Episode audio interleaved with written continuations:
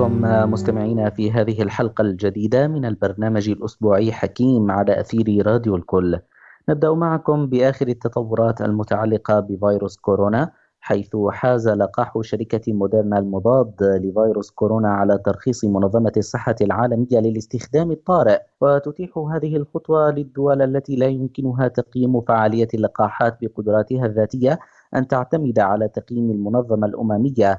كما أنها تسمح بضم اللقاح إلى سلة اللقاحات التي يوفرها برنامج كوفاكس للدول الفقيرة. وأشارت المنظمة في بيان إلى أن فريق الخبراء الاستشاري الاستراتيجي التابع لها بشأن التطعيم خلص إلى أن لقاح موديرنا فعال بنسبة 94.1% ويذكر أن موديرنا هو خامس لقاح يحوز على موافقة المنظمة. أظهرت دراسة أجرتها وكالة الصحة العامة الإنجليزية أن جرعة واحدة من لقاح فايزر أو أسترازينيكا يمكن أن تقلص احتمال انتقال فيروس كورونا بنسبة تصل إلى النصف تقريبا بين قاطني منزل واحد حيث يكون خطر العدوى مرتفعا.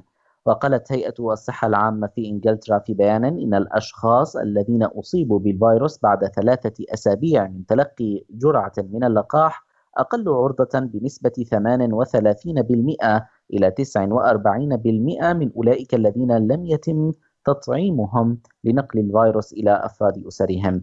ويتشابه هذا المستوى من الحماية الذي لوحظ في اليوم الرابع عشر بعد التطعيم بغض النظر عن عمر الشخص الذي تم تطعيمه أو عدد أفراد الأسرة. في دراسة أخرى وصلت دراسة جديدة إلى أن درجات الحرارة الدافئة والمناخ المداري قد يساعد حقا في الحد من انتشار فيروس كورونا المستجد كوفيد 19 ووجدت الدراسة التي أجراها باحثون من معهد هايدلبرغ للصحة العالمية في ألمانيا والأكاديمية الصينية للعلوم الطبية في بكين أن الأماكن ذات درجات الحرارة الدافئة وساعات طويلة من ضوء الشمس مثل البلدان القريبة من خط الاستواء وتلك التي تشهد الصيف لديها معدل أقل من حالات كوفيد 19 مقارنة بالدول البعيدة عن خط الاستواء. وتلك التي تعاني من طقس أكثر برودة. يؤكد الباحثون أن النتائج التي توصلوا إليها لا تعني أن طقس الصيف سيقضي على كوفيد-19 لكنه قد يساعد في مواجهة المرض.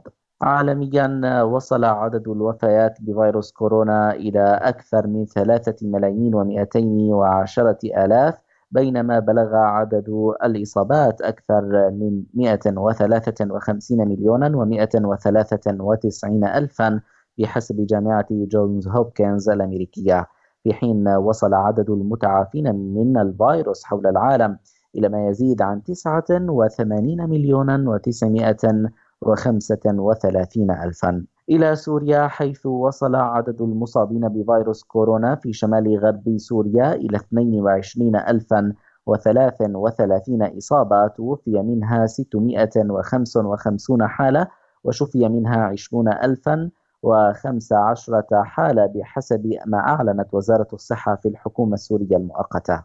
أما في مناطق سيطرة النظام فارتفعت أعداد الإصابات إلى 22977 وبحسب وزارة الصحة التابعة للنظام وصل عدد الوفيات إلى 1610 حالات وفاة وبلغت حالات الشفاء 17339 حالة. وفي مناطق شمال شرق سوريا ذكرت هيئة الصحة التابعة لما تسمى الإدارة الذاتية أن أعداد الإصابات بالفيروس ارتفعت إلى 16184 حالة منها 615 حالة وفاة و1654 حالة شفاء.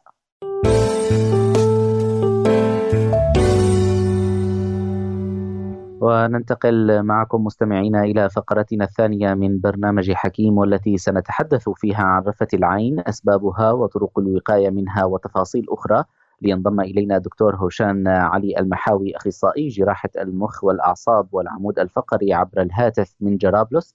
أهلا بك دكتور هوشان. بداية لو حدثتنا عن رفة العين كيف يشعر بها المريض؟ بسم الله الرحمن الرحيم. السلام عليكم ورحمة الله. أولا تقبل الله صيامكم أيها المستمعون جميعا في الداخل والخارج ونسأل الله أن يخفف عن أهلنا من مصابهم وأن يكون ما جرى لهم أجرا وعافية ورفعا لدرجاتهم. بالنسبة لرفة العين أو رعشة العين ما هي رفة العين أو رعشة العين؟ وهي حركة أو حركات عفوية لا إرادية تصيب جزء أو كامل الجفن العلوي أو السفلي لعين واحدة أو العينين معا أو نصف الوجه بالكامل. ولا تفضيل الجهة اليمين عن اليسار بل تصاب كلتاهما على حد سواء وهي تصيب الكبار والصغار والذكور والإناث على حد سواء. نعم لو حدثتنا أيضا دكتور عن الأسباب التي تؤدي للإصابة برفة العين وهل للضغط العصبي سبب برفة العين؟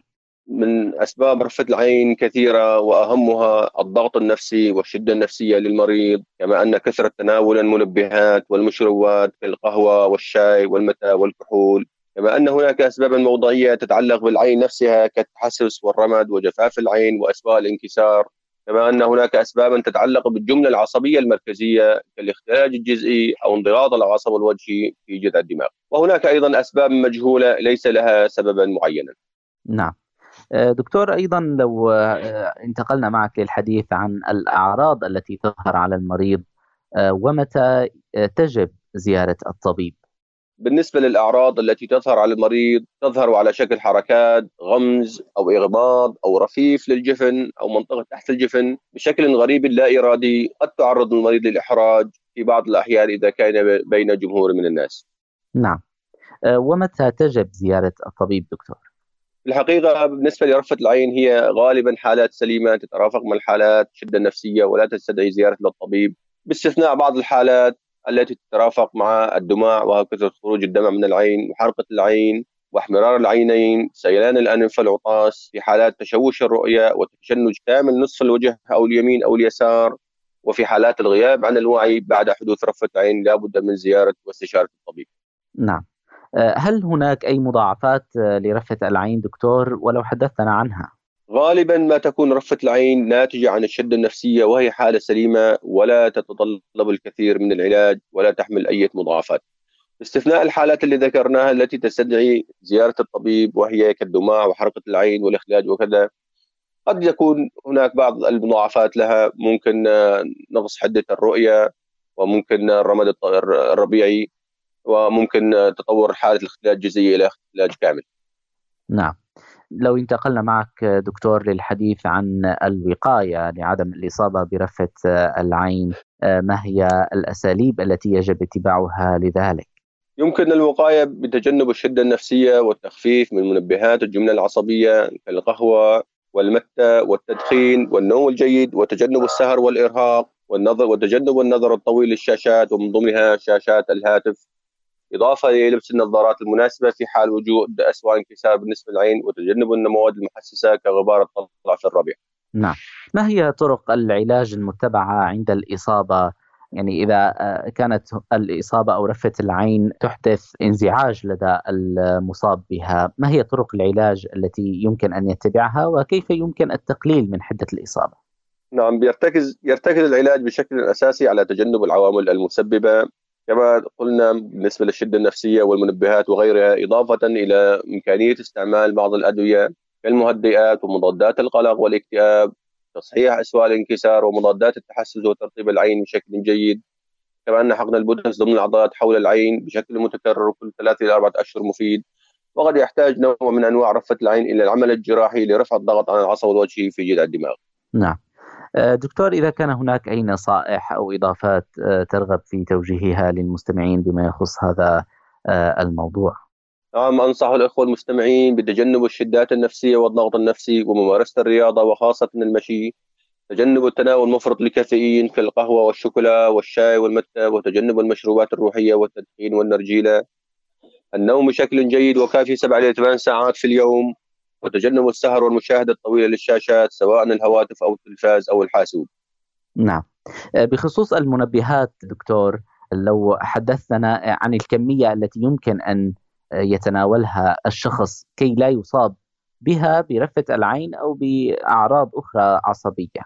في الواقع بالنسبة لكمية المنبهات التي تحتاجها الناس بشكل اعتيادي تختلف من شخص إلى آخر ولكن نذكر على سبيل المثال بالنسبة للقهوة مسموح للشخص الواحد في اليوم الواحد ستة فناجيل على الأكثر من القهوة. كما أن تناول المنبهات بعد غروب الشمس وفي المساء غير مستحب بالنسبة لجميع الناس من أجل عدم التطور وحدوث الأرق والنوم بشكل جيد. نعم. وبالنسبة للنوم آه، على الأقل على الأقل ثماني ساعات. على الأقل سبع إلى ثمان ساعات يوميا من النوم بشكل جيد. نعم. بالإضافة هل هناك أي أطعمة ينصح بها لي ينصح بالابتعاد عنها تضر بهذا نعم. الموضوع أو يمكن تناولها للتخفيف أو لتهدئة الأعصاب؟ في الواقع ينصح بتجنب الأطعمة التي تحتوي على الكافيين والثيوفيلين ومنبهات الجمله العصبية المركزية كالشوكولا والنوتيلا والجبنة وغيرها. كما كما أن الكثير من الأطعمة الأخرى التي تعطي نوع من الراحة النفسية للمريض كبذور عباد الشمس وبذور القرع تعطي نوع من التهدئه النفسية للمريض وهي جيدة بالنسبة لرفه العين. أشكرك جزيل الشكر لهذه المشاركة معنا في برنامج حكيم. الدكتور هوشان علي المحاوي أخصائي جراحة المخ والأعصاب والعمود الفقري. كنت معنا عبر الهاتف من جرابلس. أهلا وسهلا.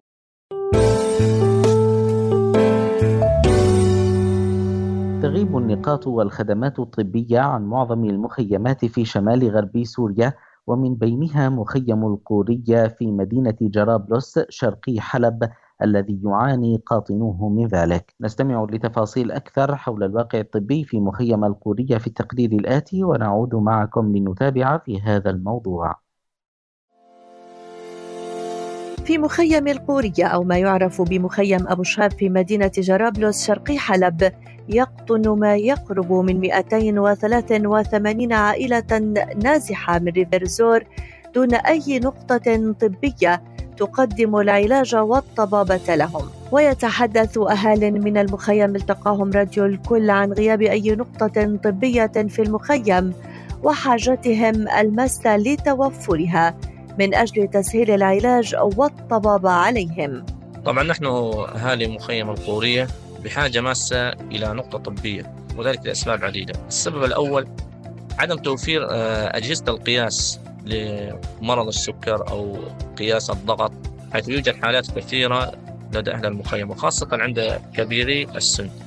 أما السبب الثاني يعني وجود بعض الحالات الطارئة آه، كالاختلاج لدى الأطفال خاصة في ساعات متأخرة من الليل وحقيقة هذه الحالات تحتاج إلى معالجة فورية. أما السبب الثالث بعد المخيم عن المشفى أو النقاط الطبية بحيث لو حصلت إحدى هذه الحالات التي ذكرناها يصعب علينا الوصول إلى هذه النقاط الطبية أو إلى المشفى آه، في الوقت المناسب. آه، لعدم توفر المواصلات وخاصة في الأوقات المتأخرة من الليل.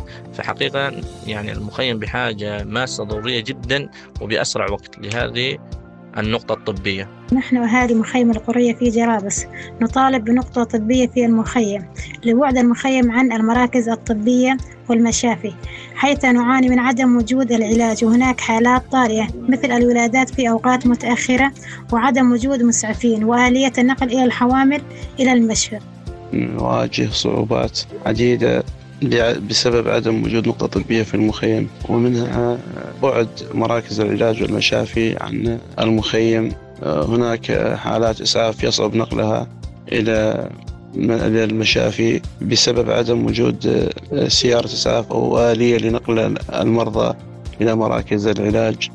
نقص حاد في الأدوية. وهناك حالات صعبة في المخيم يصعب نقلها في آلية عادية فنحن بحاجة أيضا إلى سيارة إسعاف تكون ضمن هذه النقطة الطبية إسعاف الحالات الحرجة الموجودة ضمن المخيم. ويوضح عمر المحمد أحد أعضاء إدارة مخيم القورية افتقار المخيم للخدمات الطبية متمنيا من الجهات المعنية تزويد المخيم بنقطة طبية. يفتقر هذا المخيم لأوسط الخدمات الطبية والرعاية الصحية التي تسبب لنا آه، قلق من انتشار الأمراض الوبائية مثل الإشمانيا وغيرها.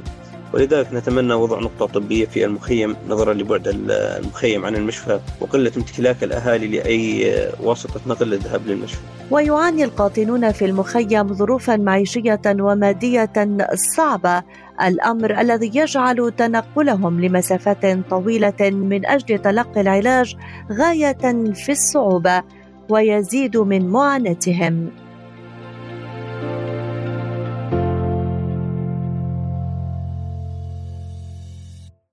وللحديث أكثر عن هذا الموضوع ينضم إلينا جاسم الخيري مدير مخيم القورية عبر الهاتف من جرابلس. أهلا بك سيد جاسم. بداية لو حدثنا عن وضع مخيم القورية الطبي كيف يقوم الأهالي بتلقي العلاج عند الحاجة؟ وما هي الصعوبات التي تواجهكم بشكل رئيسي في ذلك؟ بداية أرحب براديو الكل وأشكرهم على هذا اللقاء الطيب. طبعا بالنسبة للوضع الطبي لمخيم القورية ومخيم شاب آه، سيء بسبب آه، بعد المشافي والمستوصفات عن مركز المخيم. وطالبنا أكثر من مرة بنقطة نقطة طبية للمخيم لكن دون دون إجابة من الجهات المعنية بهذا الأمر. نعم. آه، سيد جاسم كم تبعد أقرب نقطة طبية عن المخيم؟ وهل لدى الأهالي القدرة على التنقل إليها؟ وكيف تتعاملون مع الحالات الإسعافية؟ آه، طبعا آه، هي أقرب نقطة عندنا مشفى جرابلس وتبعد حوالي تقريبا من أربعة إلى خمسة كيلومتر تقريبا عن المخيم. وهناك صعوبة بالوصول بالنسبة لأهل المخيم إلى المشفى بسبب بعد المسافة والطريق خاصة في فصل الشتاء حيث الطريق الواصل إلى مركز جرابلس الذي يصل المخيم بمركز المدينة طيني وصعوبة الوصول إلى المشفى. وهناك يعني حالات في حالات الإسعاف يعني يكون معاناة للمريض أو اللي يعني بسبب صعوبة إيجاد وسائل نقل يعني داخل المخيم لإيصال المرضى إلى المشفى. فنواجه صعوبة بهذا الأمر صعوبة كبيرة بالنسبة للمرضى. وخصوصا أن هناك في يوجد العدد الكبير من كبار السن المرضى في المخيم وبحاجة إلى رعاية صحية. آه، ذكرت لنا أن آه، أنكم قمتم بالتواصل مع منظمات أو جهات لتقديم المساعدات لكم. كيف كانت آه، ردة فعلهم؟ ولا سيما فيما يتعلق بإيجاد نقطة طبية في المخيم. طبعا إحنا طرحنا عندما تأتينا أكثر من منظمة تسعى لاحتياجات المخيم تكون حاجتنا لنقطة طبية تكون مطلبنا الأول. فالمنظمات ترفع دراسه لهذا المشروع ولكن لا تعود. آه، لا نجد استجابة. وطلبنا أيضا آه، المكتب الصحي بالمجلس المحلي أيضا آه، لا إجابة يعني لهذا الموضوع. لكن المنظمات أكثر من منظمة جاءت ورفعت هذا المشروع لكن لم تجد الداعمين لهذا المشروع صراحة. أغلب المنظمات التي جاءت إلينا وطلبنا من هذا الطلب رفعت هذا المشروع إلى الجهات الداعمة ولم تجد إجابة لهذا المشروع. نعم. آه، سيد جاسم آه، ختاما ختاما آه، لو ذكرت لنا أبرز متطلباتكم وأجملتها لنا فيما يتعلق بالقطاع الطبي في مخيم القوريه ويلزم توافرها لتسهل على الأهالي الطبابة والعلاج. طبعا نحن نطالب بنقطة طبية بسيطة يعني تقوم أقلها بالإسعافات الأولية وتأمين سيارة إسعاف لهذه النقطة بحيث تسهل نقل المصابين في حال تحويلهم إلى المشافي. الطبية تكون داخل المخيم لإجراء الإسعافات الأولية. يعني هذا مطلب بسيط على ما أعتقد وكثير من المنظمات أو الداعمة الجهات الداعمة قادرة على يعني حل لنا حل هذه المشكلة بالنسبة للمخيم من الناحية الطبية. أشكرك جزيل الشكر لهذه المشاركة معنا في برنامج حكيم. جاسم الخيري مدير مخيم القورية كنت معنا عبر الهاتف من جرابلس. حياكم الله أهلا وسهلا بكم.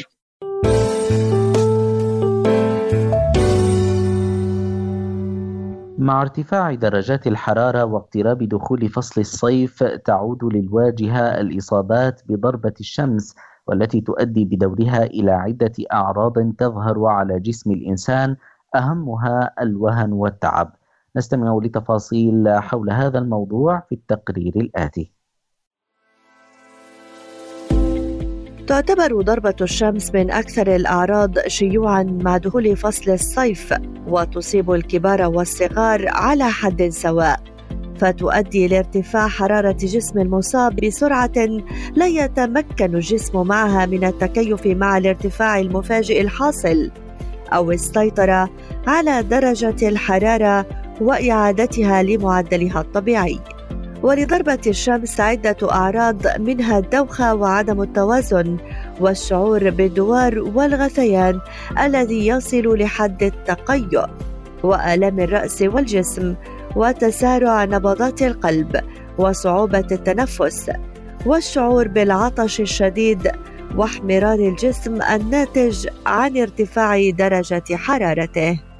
وللإصابة بضربة الشمس عدة أسباب منها التعرض المباشر لأشعة الشمس أو بذل مجهود بدني متعب في طقس شديد الحرارة لفترة طويلة وعدم الحصول على كميات كافية من السوائل أو ما يمنح الجسم ترطيبا. بالإضافة إلى ارتداء ملابس سميكة في جو حار وممارسة الرياضة أو العمل في أجواء حارة دون تناول السوائل باستمرار وتناول المشروبات الكحولية في طقس شديد الحرارة.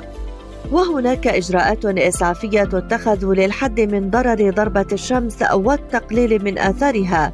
تتمثل في تنحية المصاب عن أشعة الشمس المباشرة والتخفيف من ملابسه وتعريضه للماء عن طريق رشه بالماء أو وضع الكمادات المائية على رقبته وفخذيه وجبينه أو الاستحمام أو لفه ببطانية رطبة ومده بكمية من الماء والسوائل لحمايته من الجفاف. ويجب عدم الاستخفاف بضربة الشمس ومعالجتها على الفور إذ من الممكن أن تؤدي للإغماء أو السكتة الدماغية الحرارية أو تلف الأعضاء الحيوية كما يمكن أن تؤدي للوفاة إذا كانت حادة. وللوقاية من ضربة الشمس ينصح بارتداء ملابس صيفية خفيفة وقطنية وفاتحة اللون كما ينصح بترطيب الجسم من خلال شرب السوائل والماء البارد. وعدم القيام بمجهود كبير كالعمل العضلي وممارسة الرياضة القاسية في طقس شديد الحرارة. والتوقف عن أي نشاط مرهق في حال الشعور بالتعب. كما يجب التنبه إلى أن عدم أخذ قسط كاف من النوم والإصابة بأمراض الرئة والتهابات المعدة والأمعاء تزيد من احتمال الإصابة بضربة الشمس.